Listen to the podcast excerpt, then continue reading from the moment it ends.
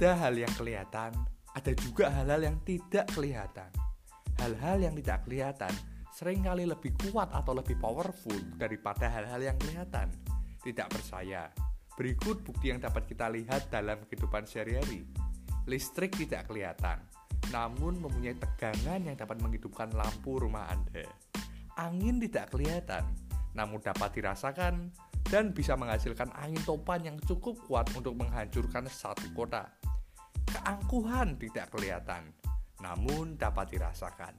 Kerendahan hati juga tidak kelihatan, namun menimbulkan rasa nyaman. Cinta tidak kelihatan, namun dapat membuat seseorang melakukan hal-hal yang mustahil.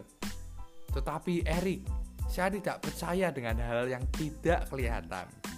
Apakah Anda dapat melihat oksigen? Tentu tidak. Namun bagaimana jika hidup Anda tanpa oksigen? Apakah Anda dapat bernafas? Apakah Anda dapat hidup selama satu jam bahkan lima menit saja tanpa oksigen? Saya yakin tidak bisa. Oleh sebab itu hal-hal yang tidak bisa dilogikakan, tidak bisa dipahami atau tidak kelihatan bisa jadi adalah hal-hal yang dibutuhkan untuk mengubah keadaan kita saat ini. Ada IQ, ada juga EQ. Bagaimana dengan SQ? SQ adalah kependekan dari spiritual quotient atau kecerdasan spiritual. SQ inilah yang dapat menembus batasan-batasan yang selama ini menghalangi keuangan Anda. SQ inilah yang bisa mengubah faktor X atau nasib buruk dalam kehidupan Anda. Ingat, orang pintar bisa meramal nasib Anda walaupun tidak sepenuhnya benar. Namun tidak bisa mengubah nasib Anda. Hanya Tuhan yang bisa mengubah nasib seseorang. Oleh sebab itu, kita membutuhkan SQ untuk melibatkan Tuhan untuk melepas batasan-batasan kita, membuang semua faktor X dan mengubah nasib kita. Kunci-kunci kesuksesan yang saya berikan tidak hanya membahas IQ dan EQ saja, tetapi juga SQ. Saya berharap kunci-kunci kesuksesan ini dapat mengubah kehidupan keuangan Anda sepenuhnya.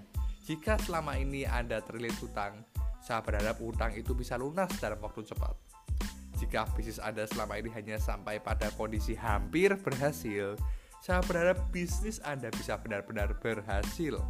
Jika omset bisnis Anda mengalami stagnasi selama bertahun-tahun, saya berharap batasan-batasan keuangan yang mengkerangkeng bisnis Anda dapat dihancurkan.